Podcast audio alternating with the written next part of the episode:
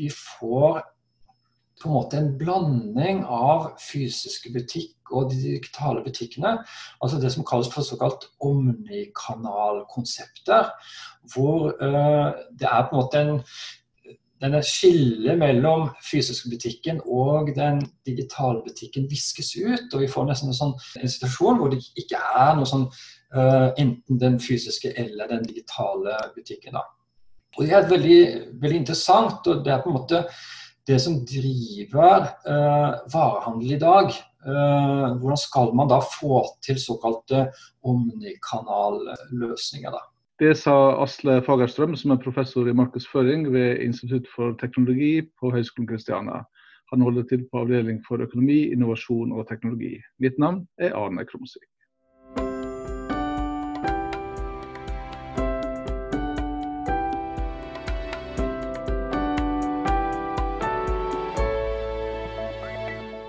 Har jobbet med e-handel og e-business i en del år. og eh, Jeg husker veldig godt da internett ble kommersialisert i 97-98. Da ble det en enorm optimisme innenfor uh, varehandel, knyttet da til å flytte handelen fra måte, de fysiske butikkene over til uh, nettbutikkene. Veldig, veldig optimisme. Og du kan si at det har jo skjedd i noen bransjer. Det har det gjort. Vi ser for innenfor musikk eh, og ikke minst reiseliv. Det er jo ingen av oss i dag, det er veldig få iallfall, som går innom et reisebyrå og eh, booker reise der. Det gjør vi selv på, på nettet. da. Men det er unntaket. Eh, hvis vi ser på den totale omsetningen av innenfor varehandel, så skjer den hovedsakelig i de fysiske butikkene. Så på en måte den optimismen som kom tidlig i internetts historie, den ble kommersialisert, den innenfor varehandel, det, det, skjedde ikke. Det, det, ble ikke en sånn overflytting fra den fysiske butikken til den, uh, til den digitale butikken eller nettbutikken. da. Um, og en del selskaper sånn på 90, slutten av 90-tallet begynte også å studere hva, hva er det som skjer her, men, og, og oppdaget det at det som egentlig skjer, og det er veldig interessant, det er at eh, vi får på en måte en blanding av fysiske butikk og de digitale butikkene. Altså det som kalles for såkalt omnikanalkonsepter. Hvor uh, det er på en måte en denne skillet mellom fysiske butikken og den digitale butikken viskes ut. Og vi får nesten en, sånn, situasjon hvor det ikke er noe sånn Uh, enten den fysiske eller den digitale butikken. Da.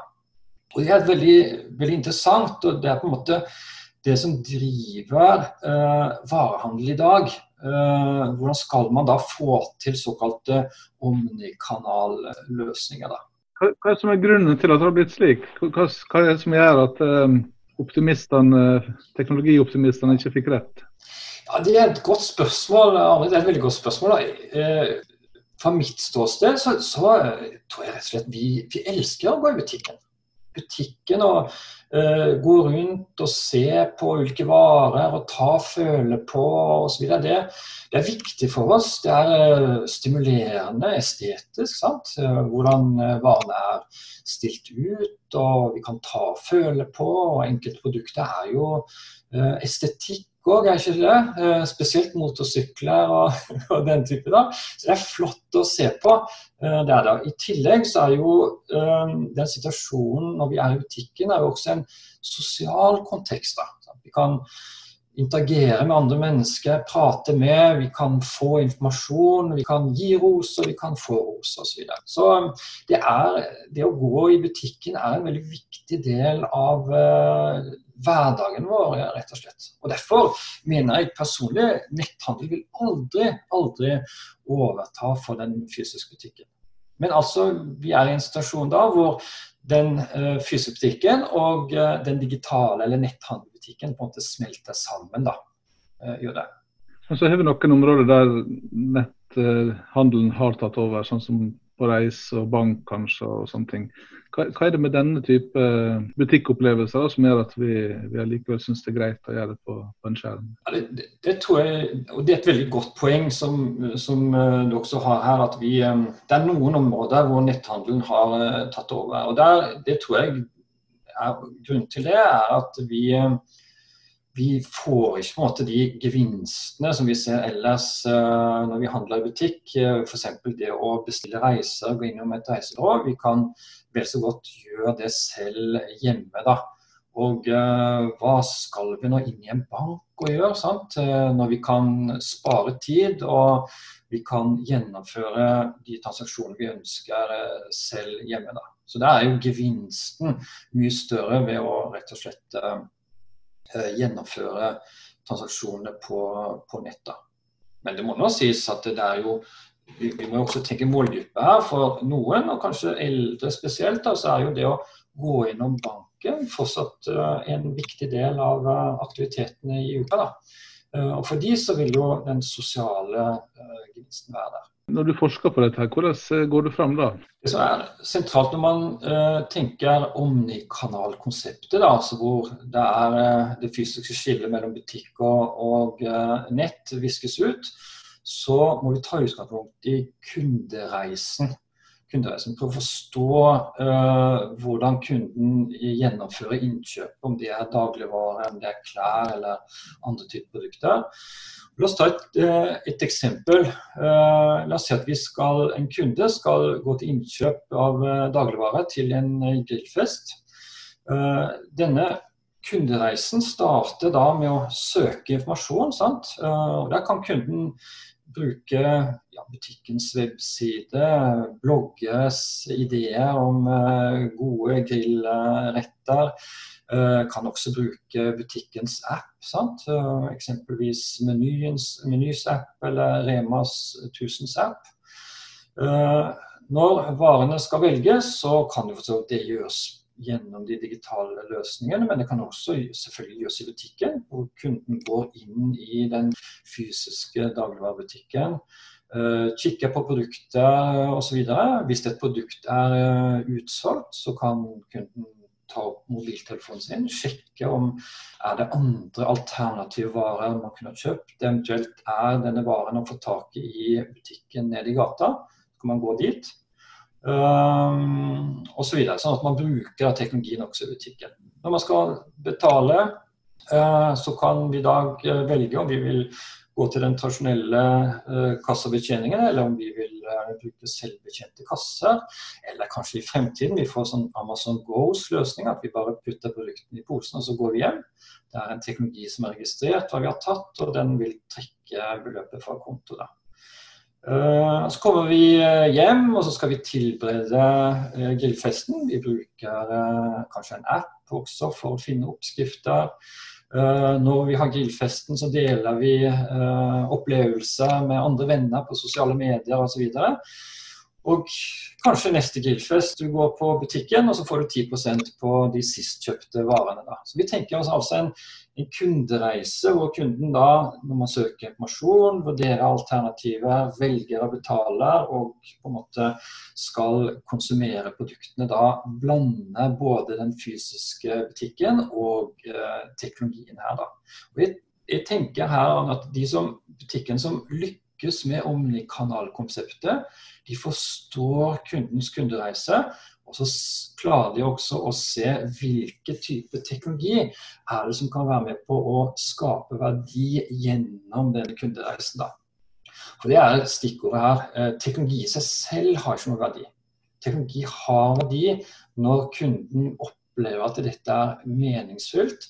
Og Oppleves det som meningsfullt, så kan det igjen være med på å redusere kostnader for butikken, og samtidig uh, generere mer inntekter for butikken. Så Det er på en måte konseptet her. da. Høres det fornuftig ut? Ja, men Det høres komplisert ut å skulle samle data for å undersøke dette. her. Det er, eh, er klart. I, um, I, en praktisk situasjon så, så er jo det helt klart komplisert. det er det. Men her er det jo spennende løsninger som leveres av industrien for å samle dataene gjennom såkalt Enterprise Resource Planning-systemer, som er med på å sørge for at uh, hele verdikjeden til butikken fungerer godt. Og samtidig så samler også disse informasjonssystemene de samler også masse data som kan da analyseres gjennom ja, såkalt business intelligence-løsninger.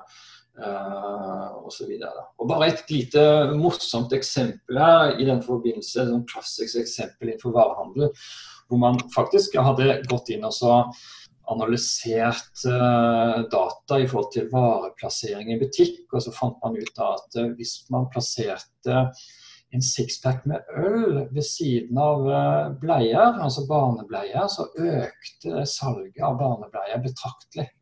Så gikk man da inn i ettertid og så studerte hva er årsaken til den økningen. og Da viser det at jo den unge mannen da, som kom hjem da etter å ha handlet dagligvare, hadde litt bedre samvittighet når han hadde med da en pakke eh, engangsbleier sammen med en sixpack med øl. da. Uh, bare som et litt morsomt eksempel på hvordan man kan bruke denne dataen som samles inn, til også å uh, generere mersalg.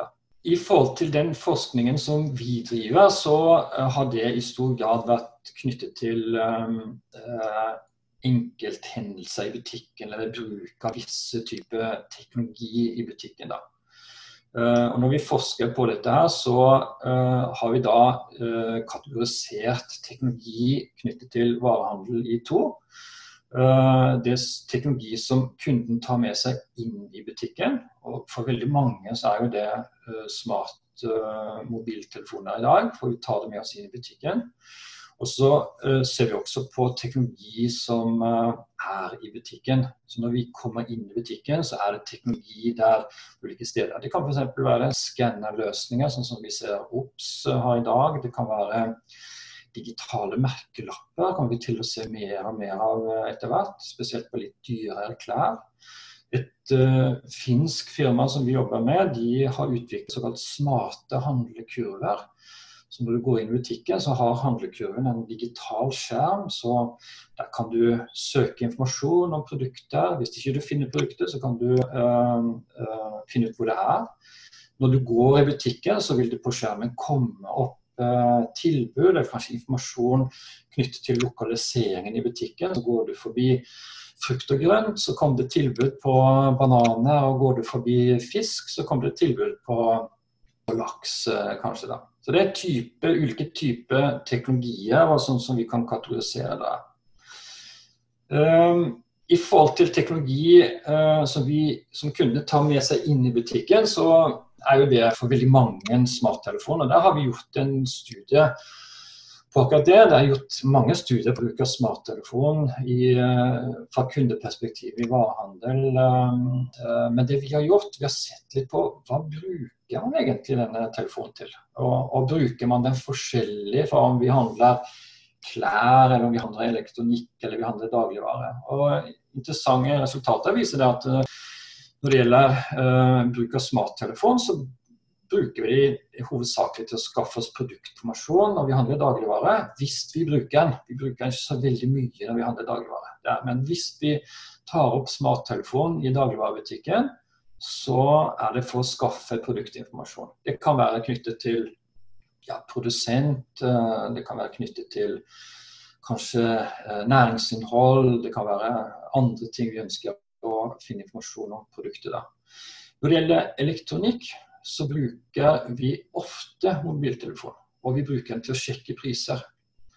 Så når kunden står der, eh, skal jeg kjøpe denne vaskemaskinen, så tar vi opp smarttelefonen og så sjekker vi priser på den modellen. Og så kan vi også bruke det i forhandlinger med uh, elektronikkjedene. si at ok, konkurrenten din har denne vaskemaskinen til 500 eh, kroner mindre. Er du villig til å gå ned i pris? Det er det mange som gjør. Når det gjelder klær, så uh, er det interessant også å vise at en del bruker smarttelefonen faktisk til å be om råd fra venner. Og spesielt unge kvinner. Når de står i klesbutikken, prøver genseren eller blusen eller uh, buksa, så tar de bilder og så hører de med sine venner på sosiale medier om dette er et godt kjøp, om denne er kul eller om denne passer meg osv. Uh, og Det er en interessant studie som gir oss da litt mer kunnskap om hva, hva at, at, vi bruker mobiltelefon når vi handler, innenfor, når vi handler varer, det er ikke tvil om. Men hva bruker vi den til? Det er eh, det denne studien gikk ut på. Gi oss litt innsikt i akkurat det. da. Vi har også gått inn på studier knyttet til det som heter Internet of Things, eller på norsk Tingenes internett. Det er jo et hot tema for tiden. Hva er uh, Internet of Things? Jo, det er altså som det ligger ved begrepet, altså tingene som er koblet til hverandre og kan da uh, kommunisere. Et enkelt eksempel på tingenes internett kan jo være at når du står opp om morgenen og ser i kalenderen din, så har da Ruter-appen kommunisert med din kalender og informerer om at eh, den eh, T-banen som du vanligvis tar, er forsinket. Det er stopp, og du må kanskje utsette møtet ditt. Da er det eh, tingen hos Ruter som kommuniserer med din smarttelefon og kalenderen i din smarttelefon. Da. Internet of Things det, er store, og, og um, store forventninger til uh, um, bruksområdet innenfor uh, ja, smarthusløsninger og arbeidsliv og smarte byer, men også innenfor varehandel. At man kan da eh, installere eh, Internet of Things-løsninger i butikken. da. Og Hva tenker vi på da? Hvordan kan vi tenke oss en Internet Things-løsning i butikksammenheng? Jo, det kan være at du ønsker å mosjonere mer. Du trenger et par joggesko går inn på en av sportsbutikkene som har installert uh, Internet of Things-teknologi. Når du kommer inn i butikken, så kommuniserer teknologien i sportsbutikken med din mobiltelefon og kanskje treningsappen din. Der kan de se hvor ofte løper du, hvor langt løper du, hva er um, stegsfrekvens og alt dette her. Og så kan det på mobiltelefonen komme opp da, et forslag til tre par joggesko som du bør sjekke, eller du bør prøve i, uh, i butikken. da. At det, tingene kommuniserer med hverandre. Dette er veldig interessant. og vi uh, har studert ja, internett og ting knyttet til dagligvarehandel. og har da spesielt sett på hva hva slags verdi kan Internet of Things skape for kunden? Og Da kan vi stille spørsmål ja, hva, hva kan det være?